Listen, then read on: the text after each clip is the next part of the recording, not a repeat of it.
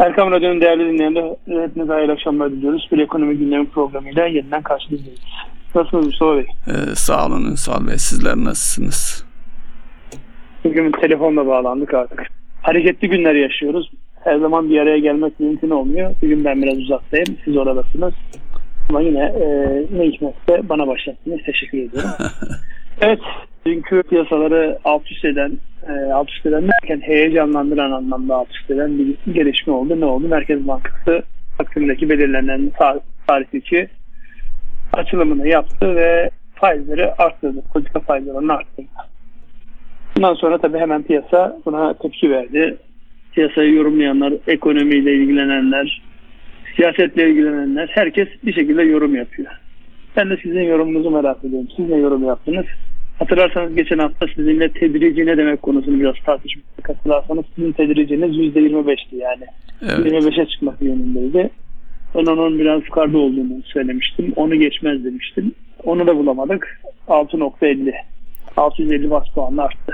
Buyurun sizin yorumunuzu alalım. Sonra da piyasa bunu nasıl karşıladı? Döviz niye yukarı gittiği biraz anlamaya çalışalım. Evet, e, siz haklı çıktınız. Benim beklentim en azından e, asgari yüzde yirmi onun üzerinde bir şey olur ve artış da gelecek aylarda da devam eder diye bir beklentim vardı. Dolayısıyla beklenti e, derken niye o şekilde şu anda altı buçukluk bir şeyle yani yüzde on beşe gelen bir Merkez Bankası faiz oranıyla baktığımız zaman enflasyonla kıyaslayınca yine yüzde yirmi dört yirmi beşlik bir arada makas var beklentiler bu yönde ge- gerçekleşti. Sa- tabii sadece e, ben e, tahminim yanıldım diyemem. Yüzde kırk bekleyenler de vardı. Yani yüzde on dörtte yüzde kırk arasında geniş bir marjda beklenti vardı. Bu da bize olan yani Merkez Bankası açısından bakarsak belirsizliğin e, neden yüksek olduğunun göstergesi. Yani tahminlerin de bu denli dağılmış olması da bunu gösteriyor. Merkez Bankası'nın verdiği mesajlardan hareketle e, sıkılaştırmanın gerektiği zaman gerektiği miktarda olacağına yönelik bir ifadesi var. Dolayısıyla bu ifadesini önümüzdeki Temmuz ve Ağustos aylarında da kademeli olarak artmaya devam edecek diye yorumlayanlar olduğu gibi bu ifadenin de bir hayır gerektiği zaman ifadesi Temmuz'da gerektiği zaman olarak e, dikkate alınmayabilir gibi bir şey, yaklaşım var. Dolayısıyla sanki belirsizlik de önümüzdeki süreçte de bir iki ay içerisinde yani Merkez Bankası'nın attığı adımlara bağlı olarak sürecek görünüyor. Bir ikinci adımda bu sadeleşme ile ilgili özellikle regülasyonlardaki herkesin anlayacağı veya basitleşecek bir sürece girilmesi bekleniyor. Orada da çıkacak düzenlemelerin ne olacağı beklentisi var. Tabii bu beklenti varken işte hafta bitti. Ee, önümüzdeki hafta bir buçuk günlük bir süre var. Dolayısıyla bu tür adımların da bayramdan sonraki yani 3 Temmuz'dan sonraki süreçte olacak demektir. Bu da aşağı yukarı 12 haftalık bir ötelemeyi de beraberinde getiriyor diye düşünüyorum. Siz ne, neler düşünürsünüz? Nasıl yorumlarsınız Ünsal Bey? Şimdi siz zaten şu an e, konuşulanları ve muhtemel önümüzdeki günlerde konuşulacaklara da değindiniz. Yani özellikle açıklanan karar metnindeki bazı başlıklar önemliydi. Yani bundan sonraki süreçte de devam edeceği yönündeki duruşu bir anlamda ifade ettiniz zaten. Dolayısıyla orada e, söylenmesi gereken ilave şu var. Yani piyasa buna e, ne tepki verdi sorusunun cevabı olarak. Çünkü özellikle hem dün hem de bugün çok sayıda insan arayıp e, dövize ne oldu, niye döviz bu kadar arttı şeklinde bir e, şeyler oldu. Yorumları ya da değerlendirmeler oldu. Yani insanları dövizdeki bu artışın bu kadar e, sert olması ve bir anlamda beklenmiyor olmasını yorumlamaya çalıştılar. Çünkü dün yaklaşık %3, %4'e yakın geldi. Bugün de devam ediyor. Yani 25'in üzerindeyiz şu an. %1, 20 üzerinde bir artış var. Dolayısıyla yani önce şunu değerlendirmek lazım. Beklenti bu kadar yüksekti ve bu beklenti karşılanmadı şeklinde mi yorumlamak gerekiyor? Yoksa ülkenin özellikle bankacılık sisteminin ve e, firmaların gerçeklerinden hareketle baktığımızda böyle olması daha mı iyi oldu şeklinde yorumlamak gerekir. Açıkçası benim şahsi kanaatim Böyle olması daha iyi oldu. Şöyle, şimdi daha önceden de bunu zaman zaman konuştuk. Özellikle Türkiye ekonomi politikası, yeni Türkiye ekonomi modeli diye ortaya konan çalışmada özel sektör bankaları kredi kullandırmakta nazlandıkları için yani orada çok böyle istekli olmadıkları için bir anlamda eğer kredi kullandırmak istiyorsanız aynı zamanda e, devlet kağıtları da alacaksınız şeklinde bir zorunlama var, zorlama vardı ve o oranlar o kağıtların getirileri çok düşüktü. Dolayısıyla bankaların elinde ciddi bir hacimde bu kağıtlardan varken faizin çok hızlı bir şekilde artmış olması e, öncelikli olarak finans sektörüne çok ciddi bir e, hasar verebilme ihtimali vardı. Birincisi buydu. İkincisi de e, Cumhurbaşkanı'nın bu konudaki tavrı çok net. Yani Cumhurbaşkanı yani en son e, Azerbaycan'dan dönerken bile uçakta şunu söyledi. Benim gönlüm artmasından yana değil ama arkadaşlara bir e, şans verdik. Ekonominin yönetimi konusunda şu an dümende onlar var. Dolayısıyla onların bir anlamda kısmi hareket alanı serbest bırakıldığı şeklinde ikisini yan yana örtüştürünce oranın çok yukarı gitmeyeceğini ben kendi adıma öyle değerlendirdim. E, bir diğer mevzu da özellikle yurt dışı bankaların, yatırım bankaların yüksek oranlar telaffuz ediyor olması. Yani %40'lar, %35'leri telaffuz ediyor olmalarının sebebi bu e, merkez bankacılığında da çok yaygındır. Piyasa yapıcılığı anlamında da çok yaygındır bir anlamda psikolojiyi oraya çekmeye çalışıyorsunuz. Sanki bütün bankacılık sistemi, dünya bankacılık sistemi, merkez bankacılık sistemi enflasyona birebir e, bir faiz veriyormuş gibi bir e, algı oluşturuyor. Halbuki biz daha önceden de konuştuk burada. Enflasyonun daha düşük olmasına rağmen daha yüksek faiz oranı uygulayanlar ülkeler olduğu gibi tam tersi ülkelerde var. Bu bir e, diğer parametrelerle oluşturulabilecek bir başlık. Onun için hepsini birlikte değerlendirdiğimizde ben ee, yani şu anki alınan kararın piyasanın e, herkes kendine göre yorumlayacaktır ama özellikle bankacılık sistemi açısından ve firmaların buna uyumlanması açısından zorunluluk olduğunu düşünüyorum. Böyle olması gerektiğini düşünüyorum. Ama tabii buradaki önemli olan şey şu an konumuza bir anlamda ilave edeceğimiz bir başlık daha var. Asgari ücretteki %34'lük artış. Ee, Ünsal yani Bey, siz buraya, bir... buraya geçmeden önce şeyi merak ediyorum. Şu anda e, kısmen değindiniz bankaların elindeki düşük oranlı e, kağıtların e, durumuna değindiniz. Bir faiz daha yüksek açıklansa burada sıkıntı olabilir diye. Bir diğer bakış açısıyla şimdi şeyden beri seçim öncesinden beri reel sektörün krediye ulaşmakta yaşadığı sıkıntılar var. Bunu hepimiz biliyoruz. Şimdi o kağıtlar olduğu müddetçe yeni bir regülasyon gelmediği takdirde veya ona bir çözüm bulunmadığı takdirde bankaların kredi verme imkanları artacak mı? Bir de buna bağlı olarak önümüzdeki dönemde eğer faizlerin daha yukarı gideceği biliniyorsa bankacılar kredi kullandırmakta iştahlı davranır mı? Yani reel sektörün sizde iş bir iş adam derneğinde önemli bir rolünüz var. E, dolayısıyla reel sektör açısından nasıl bir beklenti oluşturuyor bu son karar diye sorsam. Şimdi fiili durum zaten özellikle biliyorsunuz ticari bankalarda mevduat 40'lar e, hatta %50'ler seviyesine gelmişti. Dolayısıyla %50 ile kaynak toplayan yapının e, yani görüntüde daha aşağılardan veriyor gibi olsa dahi işte dosya masrafı, bilmem tahsis komisyonu, ilave bilmem ne adı altında zaten oranlar yukarıya çekiliyordu. Yani dolayısıyla bankacılık sisteminin kendi içerisindeki en önemli dinamiklerinden bir tanesi her şeyi rakamlarla hemen görüyor olabilmesi. Yani başka sektörlerdeki gibi gecikmeli bir yansıma yok. Maliyeti anında görebilme şansı var. Dolayısıyla bu bir şekilde yansıyordu. Şimdi burada fiili durumu yani hukuki duruma ya da fiili durumu bir anlamda deklar eder, açıklar hale geldik. Onun için bankaların bu anlamda özellikle kredi kullanma tarafında oranlar yüksek olacağı için yani şu aşamada özellikle yatırım kredilerini işlemeyeceğini tahmin edebiliyoruz. Burada işletme kredileri devam eder. Çünkü özellikle satın alınan malın ya da üretilen malın nihai tüketiciye ulaştırıldığındaki fiyat hassasiyeti belirleyecektir bunu. E şimdi az önce tam cümleye oradan girmiştim yani ben konu değiştirmeyecektim ama asgari ücretle alakalı mevzu da benzer şekilde. Şimdi siz asgari ücrete 134 yaptığınızda, zam yaptığınızda bu sadece asgari ücret alanlarda kalmıyor. Bütün çalışanları etkiliyor. Otomatik olarak yani siz önümüzdeki dönemde malumunuz enflasyonla alakalı üç temel başlık vardı. Maliyetin getirdiği, talebin getirdiği bir de yapının ya da beklentilerin getirdiği şey. Şimdi biz beklenti enflasyonumuzu otomatik olarak sene başında yaptığımız e, asgari ücret artı bu dönemde yapılan asgari ücrete baktığımızda %100'ün üzerinde bir rakama koymuş oluyoruz. oraya. Dolayısıyla insanların, çalışanların maliyeti oraya geldiğinde bunun bir şekilde fiyatlara yansıyacağı gün gibi ortada.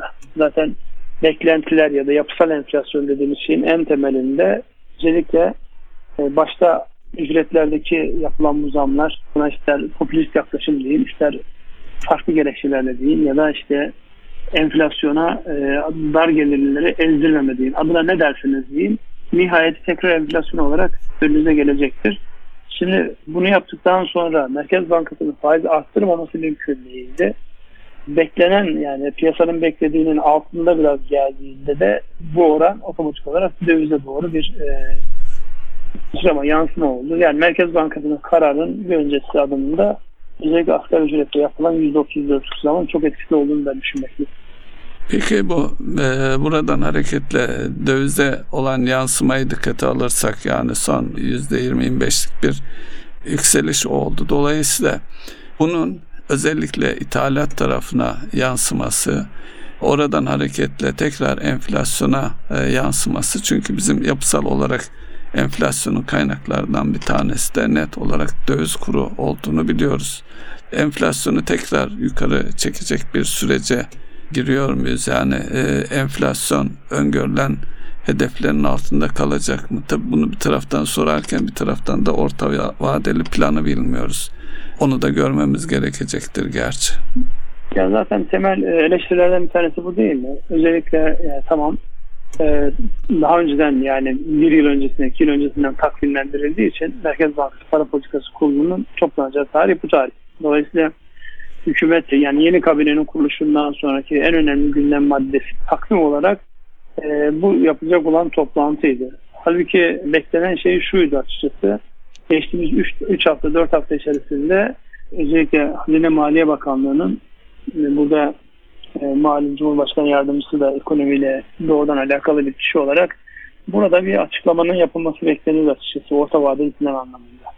Şu an faiz arttırıldı ama bu artılan faiz neye hizmet ediyor sorusunun cevabı stratejik anlamda henüz daha tam verilebilmiş değil. Yani bunun önüne ya da arkasına başka hangi tedbirler alınacak e, ona bakmak lazım. Çünkü bizim para politikası aracı olarak kullandığımız faiz artışı tek başına hiçbir zaman çözüm değildir. Bunun önünde ve arkasında maliye politikalarına ilave başka varsa para politikaları o enstrümanları kullanmaya ihtiyaç var.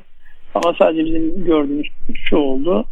E, politika faiz oranı arttırılınca en azından bir beklenti karşı, karşılanmış oldu.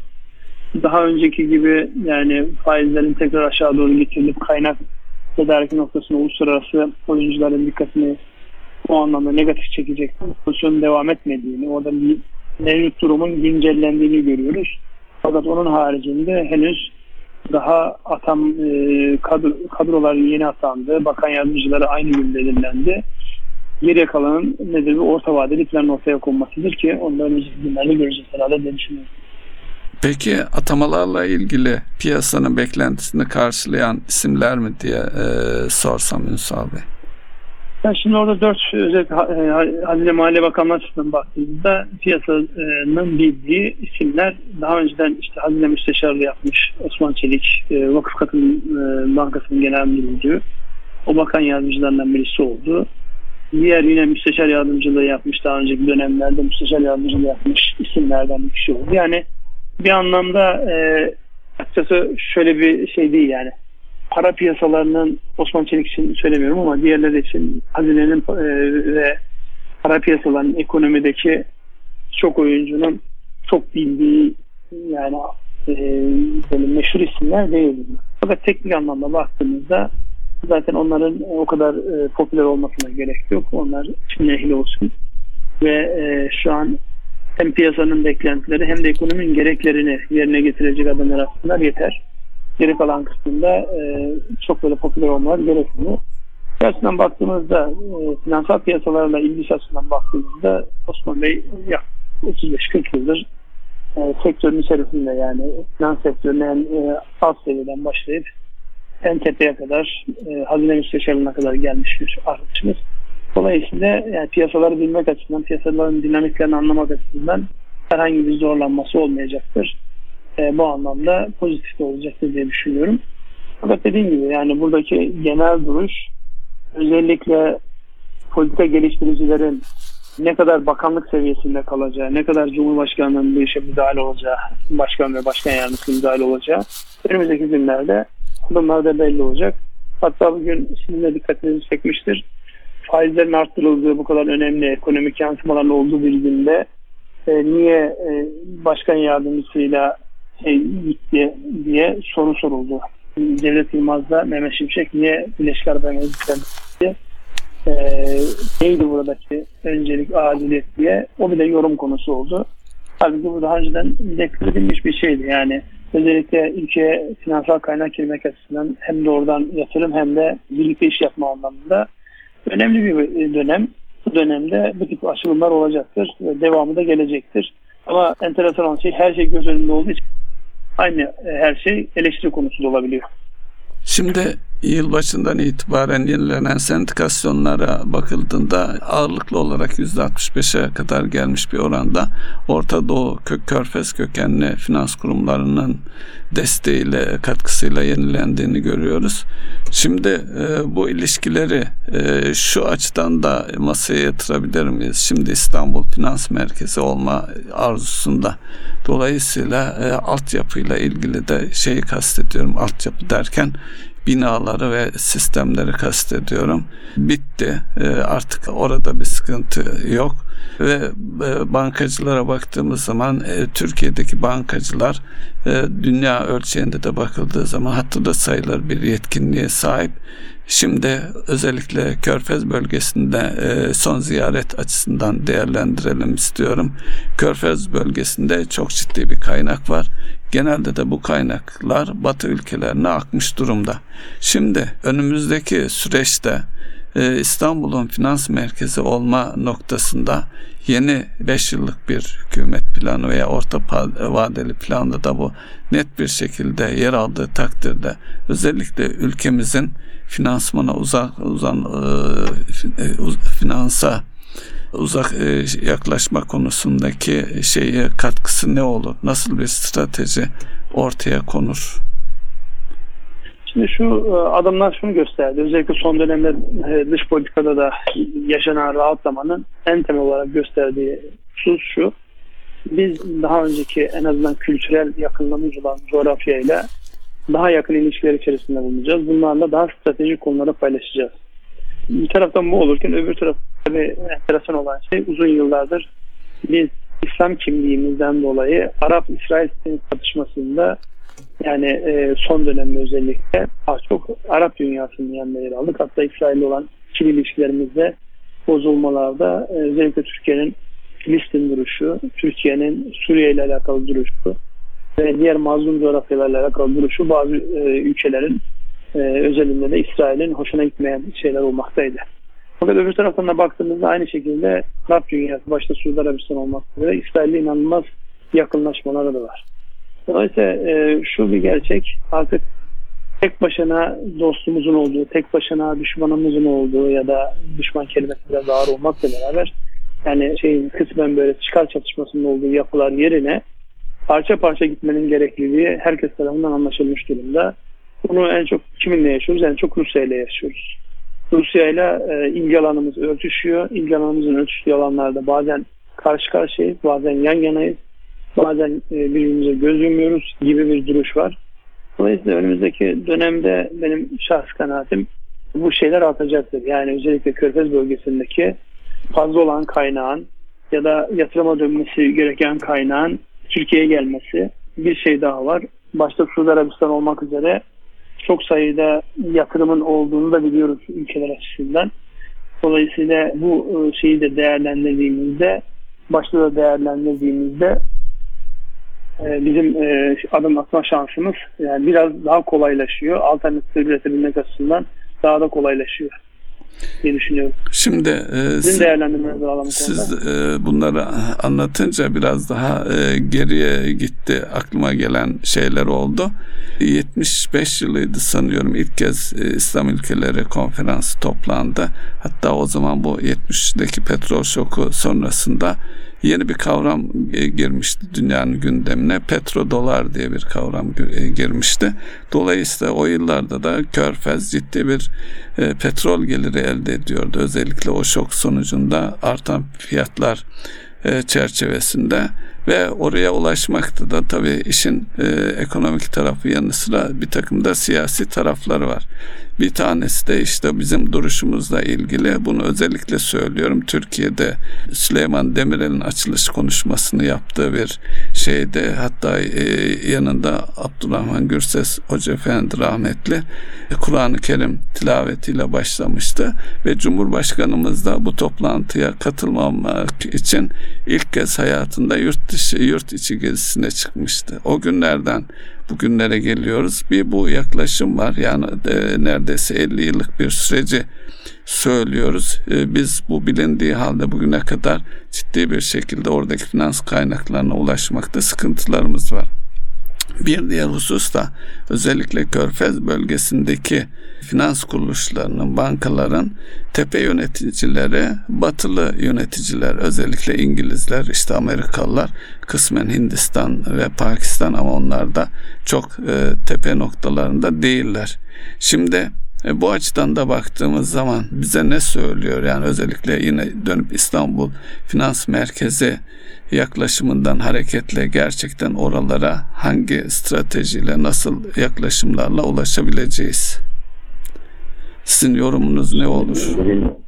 Birincisi o dediğiniz doğru. Yani biz e, tamam Körfez bölgesindeki İslam coğrafyasının ekonomik anlamda varlıklı olan ülkelerine ulaşma konusunda bugüne kadar mesafe kat ettiğimiz zamanlar oldu. Özellikle rahmetli Turgut Özal'la başlayan süreç var.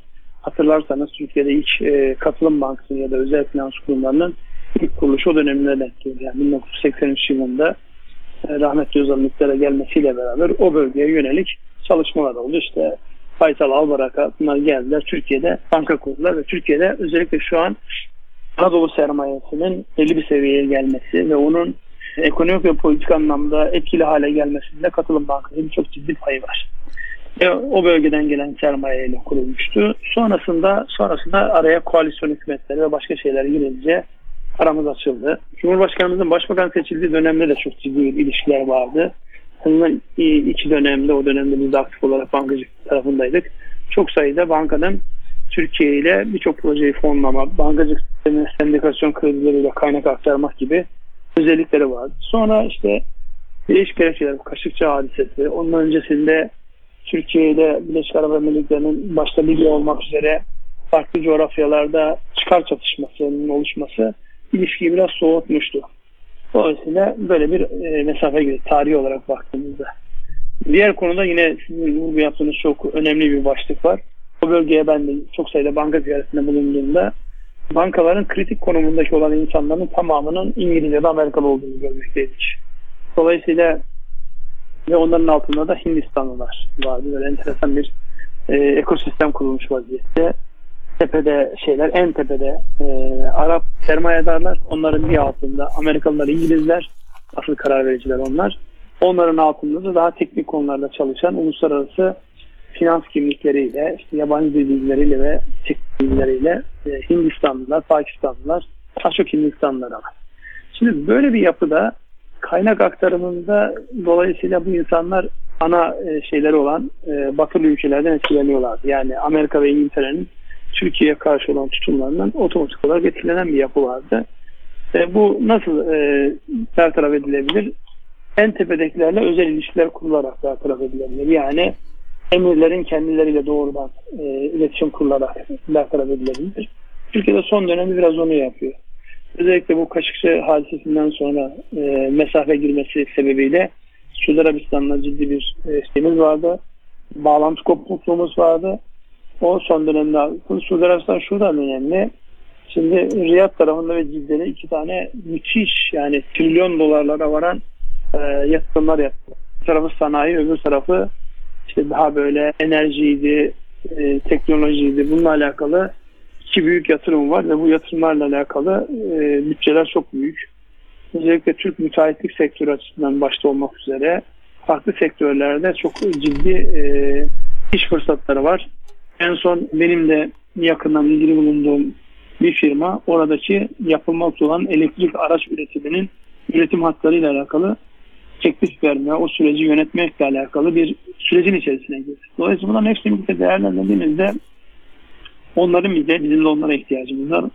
Onların bizim e, müteahhitlik ve iş hızlıca iş yapabilme becerimizde bizim de onların finansal kaynaklarına ihtiyacımız var. Önümüzdeki dönemde ben bunun daha böyle ya bugünlerde moda oldu ya rasyonel zemin ifadesi. Rasyonel zeminde ilerleyeceğini düşünüyorum. Ünsal Bey şimdi Gezi Parkı'na kadar özellikle İstanbul batılı e, küresel ölçekteki e, firmaların, finans kurumlarının bölgemizdeki Orta Doğu, Rusya, Afrika bölgelerinin bölgelerinin yönetim merkezi haline gelmişti. Gezi Parkı'ndan sonra o firmalar Türkiye'deki bölge merkezlerini e, başka yerlere taşıdılar. Bundan işte Dubai pay aldı, değişik ülkeler pay aldı. Şimdi seçimden sonra yine 5 yıllık bir süreci ve yeniden bir e, kalkınma hamlesinin başladığı bir süreçte yine eski e, yani şeydeki Gezi Parkı öncesi konuma gelebilir mi Türkiye veya onun için ne tür adımlar atmak gerekir? Çünkü o da Türkiye'nin önemli bir belirleyici o, o oluyor. konuma gelmesini pardon Türkiye'nin o konuma gelmesini değerlendirmeden önce yani dünya o, o noktada mı diye sorduğumuzda dünya o noktada değil. Yani o dönem hatırlarsanız özellikle e, bu subprime mortgage krizinden başlayan Amerika'daki bir anlamda e, kredi alacaklarının sıkıntıya girmesi ve bunun dünyaya yansımasıyla o dönemden bankaları rahatlatmak için Lehman batışından sonra çok ciddi bir e, likitte e, enjekte edildi piyasalara. Dolayısıyla faiz oranları düşürüldü, piyasalara maksimum ölçüde kaynak verildi. Şu an bulunduğumuz dönem öyle bir dönem değil. Yani Amerika'nın bile hatırlarsanız işte bir faiz artırımı daha yapacak. Ondan sonra da yıl sonunda faiz indirimlerine geçecek diye bir şey vardı faiz arttırmadı. Yıl sonunda da indirmeme konusunda çok net açıklamalar yaptılar. Dolayısıyla şartlar çok hızlı değişiyor. Bu değişen şartlara adapte olmak noktasında ülkenin e, bütün alıcılarını açması gerekiyor. Bir tarafta kaynak fazlası var, öbür tarafta o kaynağın güvenli limanlarına ihtiyaç var. Türkiye güvenli liman olduğunu hem yönetsel anlamda hem e, iş yapma anlamında iyi bir liman olduğunu gösterecek fırsatları yakalamış durumda daha da geliştirebilir burasını. Yani o dönemle karşılaştırmak yerine yeni bir sayfa açıp yeni bir e, dönem diye bakmak lazım. Çünkü bazen böyle kişi kişiler de işletmeler de ülkelerde kendi kendilerini geçmişte yaptıklarıyla sınırlayabiliyorlar. Halbuki geçmişte yapmış olduğu o şartların e, eseriydi. Şu an belki ondan daha verimli olabilecek, daha böyle anlamlı ve karlı olabilecek bir döneme giriyoruz. Çünkü o dönemin bir avantajı şu, dünyanın her tarafından e, ülkemize kaynak yağıyordu. Bu kaynakla biz ne yaptık sorusunun cevabına bakmak lazım. O kaynakla biz üretim tarafının değil daha çok gayrimenkul tarafında daha çok yani bugün faydasını çok fazla görmediğimiz alanlara doğru yönelme oldu. Ve dışarıdan gelen bu kaynaklar e, bir anlamda ekonomideki enflasyonu ve değersizleşmeye de sebep oldu açıkçası. Yani hak etmeden kazanılmış alınmış borçla oluşturulmuş değerlerin fiyatları geriye gelmedi. İnsanlar hep o fiyatların daha yukarı gideceği düşüncesiyle hareket ettiler. Son zamanlardaki en büyük suçlamalardan bir tanesi nedir? İşte özellikle bu vatandaşlık verilerek gayrimenkul e, satışına müsaade edilmesi konusunda bunun e, gayrimenkul enflasyonunun yukarı götürüldüğüyle alakalı bir iddia var. Kısmen doğru mu? Evet kısmen doğru. Tek başına o mudur sebebi? Hayır değil. Telefonda olunca böyle gayri şekilde daha mekanik bir konuşma oluyor. yüzde olduğunu daha böyle bir Evet yani yüzde olmak daha böyle net görüyoruz. Bağ biçilemez ama bu da önemli bir avantaj. Asgari ücrete Şimdi ilaveleriniz olur mu Ünsal Bey? E, kısmen değindiniz. Bir de ücretliler açısından bakarsak çünkü e, asgari ücret açıklandığında daha önceki bakanın 500 dolar söylem vardı. Şimdi asgari ücret 500 dolara yaklaşmışken e, işte son 1-2 gün içerisinde bir gerileme oldu. Bunun algıları ne olur? Özellikle Orada, çalışanlar e, açısından değerlendirecek yani Türkiye olursak. özellikle yani e, Çin gibi, Güney Kore gibi yani üreterek, ucuz üreterek e, ihracatı arttırmak ve bununla da e, cari dengeyi artıya geçirip oradan finansman sağlamak gibi bir düşünce vardı. Şimdi hepsinden önemlisi ucuz üretmek gibi bir şansımız yok. Bir kere Çin'le ve Güney Kore ile kıyaslanmayacak şekilde daha pahalı çalıştırdığınız bir insan gücü iş yapınız var. Şimdi bu son 1-2 günlük proaksiyonu dikkate almazsak ilk asgari ücret açıklandığında giydirilmiş asgari ücretin maliyeti 600 doların üzerindeydi.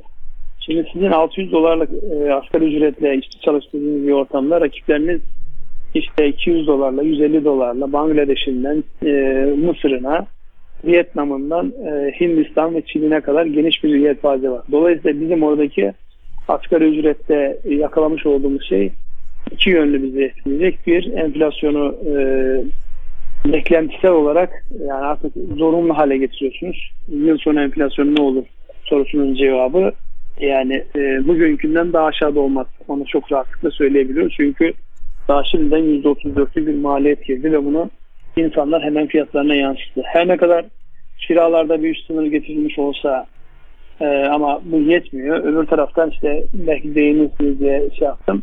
Kredi kartlarında üst sınır işte e, 1.36'dan e, 1.92'ye çıkarıldı aylık e, faiz oranı.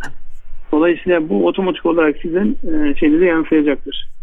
E, her tarafınıza yansıyacaktır. Çünkü o maliyete katlanan insanlar e, bir şekilde onu başka yerlere yansıtacak. Asgari ücretin bu anlamda e, ihracatımızı biraz aşağı çeken öbür tarafta da enflasyonu arttıran bir etkisinin olacağını söylemek herhalde bir sakıncı olmaz diye düşünüyorum.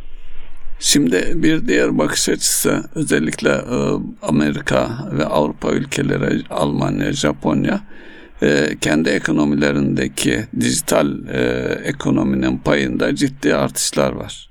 Şimdi G20 ile ilgili hazırlanmış bir raporda Türkiye'nin dijital dünya ölçeğindeki payı binde bir seviyelerinde. Bu bahsettiğiniz ihracat gelirleri ve e, rekabet ettiğimiz ülkeler açısından Bangladeş'i, e, uzak doğuyu e, ifade ettiniz.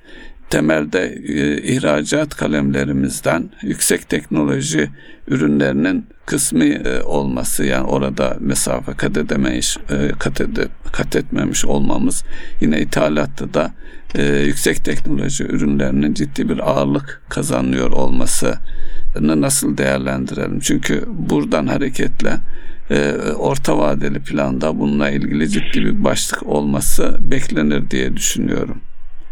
Şimdi burada özellikle son dönemde Türkiye'de e, yerli üretim anlamında bazı şeylerin o taraflara doğru kayacağı ile alakalı hatırlarsanız bir programda konuşmuştuk. Yani bazı üreticiler artık maliyetlerle baş edemiyoruz bugüne kadar hep yerli olmaya özen gösterdik ama yerli olmak bizi bu anlamda e, özellikle uluslararası rekabette geri tutuyor.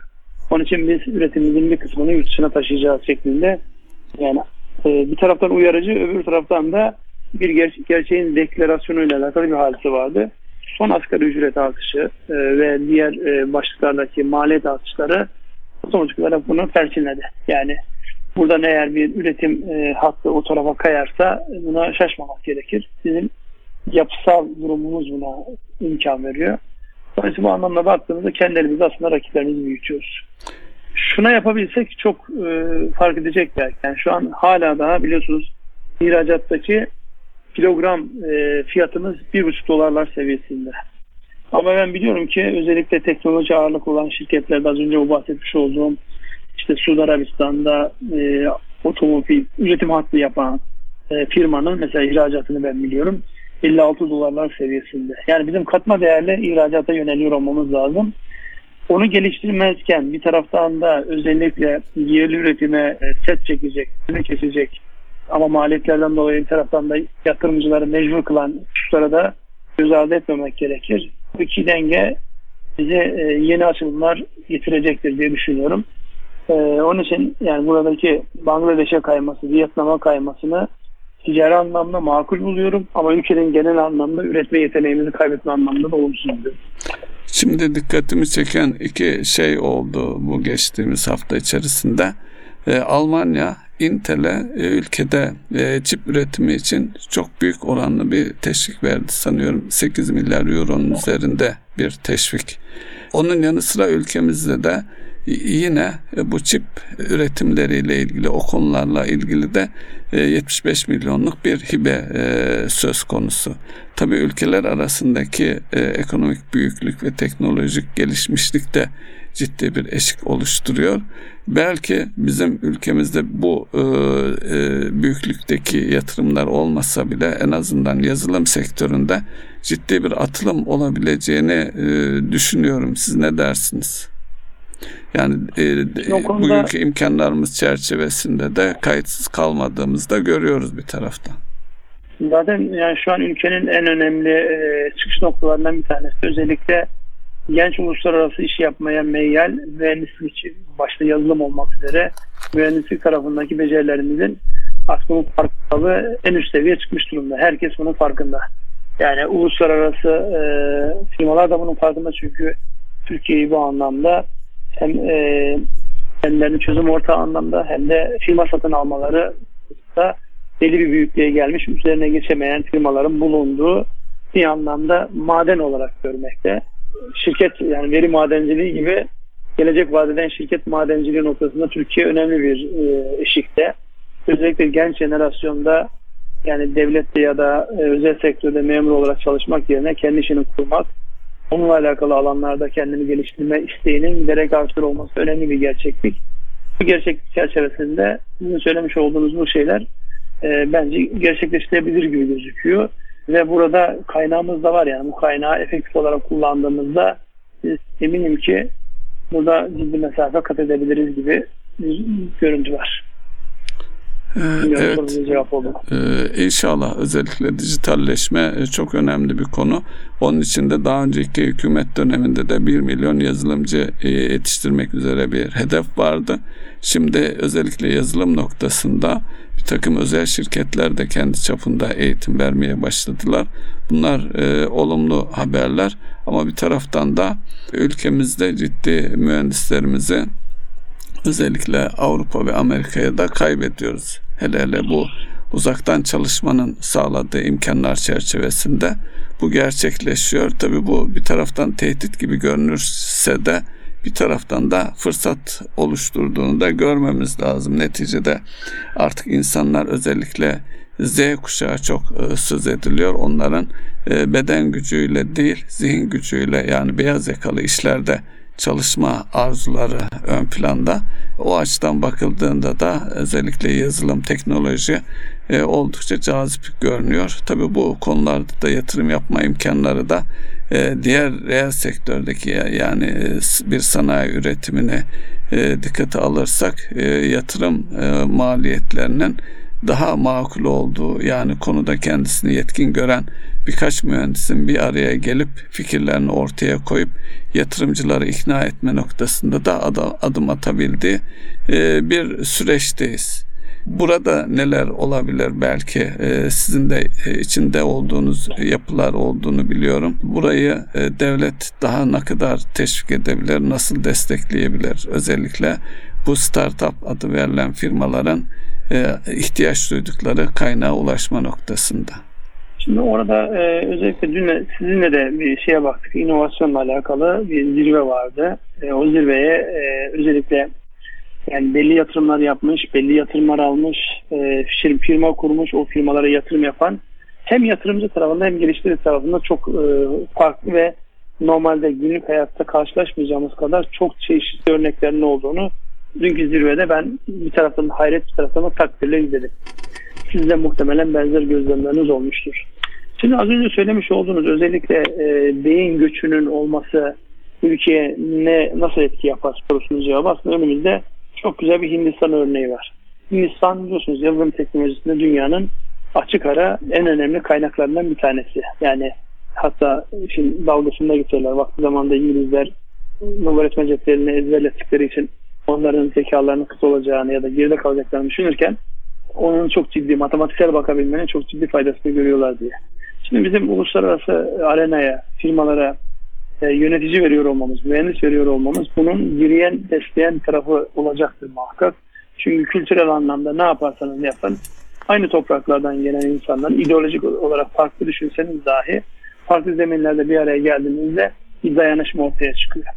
O dayanışmayı da düşünerek ben yani sizin söylemiş olduğunuz bu beyin göçünün uzun vadede Türkiye'ye çok faydalı sonuçlarının olacağını düşünenlerdenim açıkçası. Bu yeter ki e, bu insanların burayla olan hani gönül bağının kopmaması. Burayla olan ilişkilerini hani e, son dön- dönemde ona da çok rastladık ya. Yani artık bu ülkede yaşanmaz deyip dönüp arkasına gidiyor. Sanki gittiği yerde insanları böyle bandoyla karşılıyorlarmış gibi.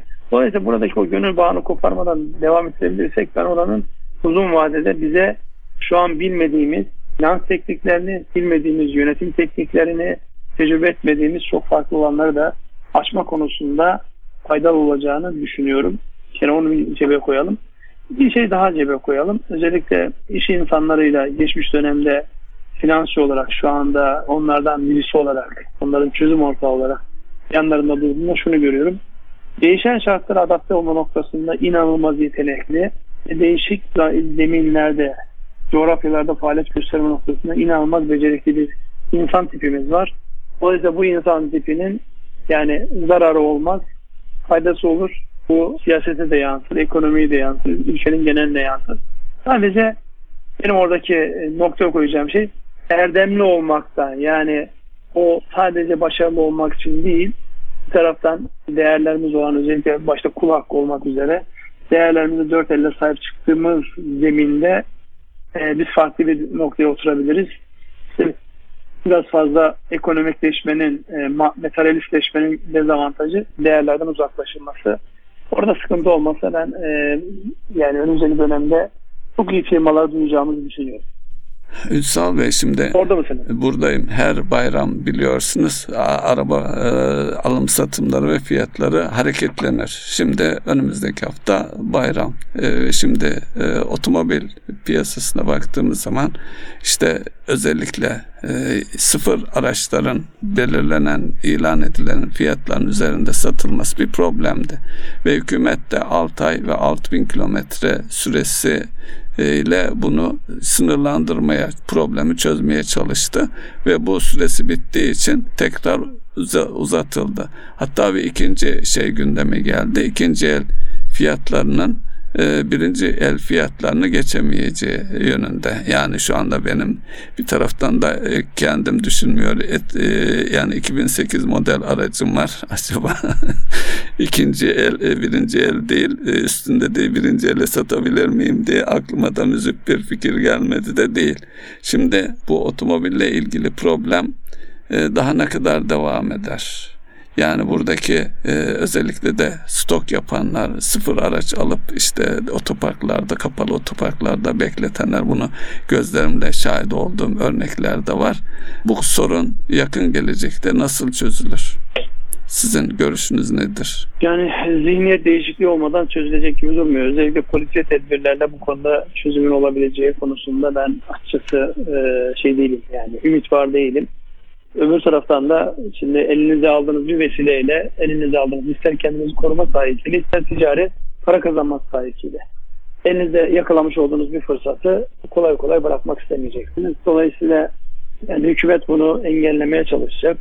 Öbür taraftan ticaret yapanlar da bu işi maksimum ölçüde devam etmeye çalışacak. Özellikle otomobil tarafında yani artık otomotiv ticaret yapanların sayısı aile fertleri de dahil olduğu için artık binleri geçmeye başladı. Yani inanılmaz bir artış var oradaki görüntüyü engelleyip e, spekülasyon yapıldığını yapılmadığını göstermek için. Bu arada siz zamana bakıyor musunuz? Evet Sanki işaret benim sonuna- ediliyor Ünsal Bey. Zamanımız Tamam doldu. işaret ediliyorsa son cümlem şu olsun otomobille alakalı. Yani bu şekildeki tedbirler değil de da- daha radikal tedbirlere ihtiyaç var ama onun da yöntemi ikinci el oto- otomobil ithalatı olmamalı. O da vakti zamanında çeşitli sıkıntıları beraberinde getirmişti diyorum.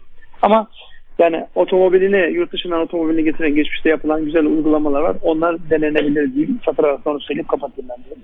Biliyor muyuz? Bitiriyoruz. Buyurun.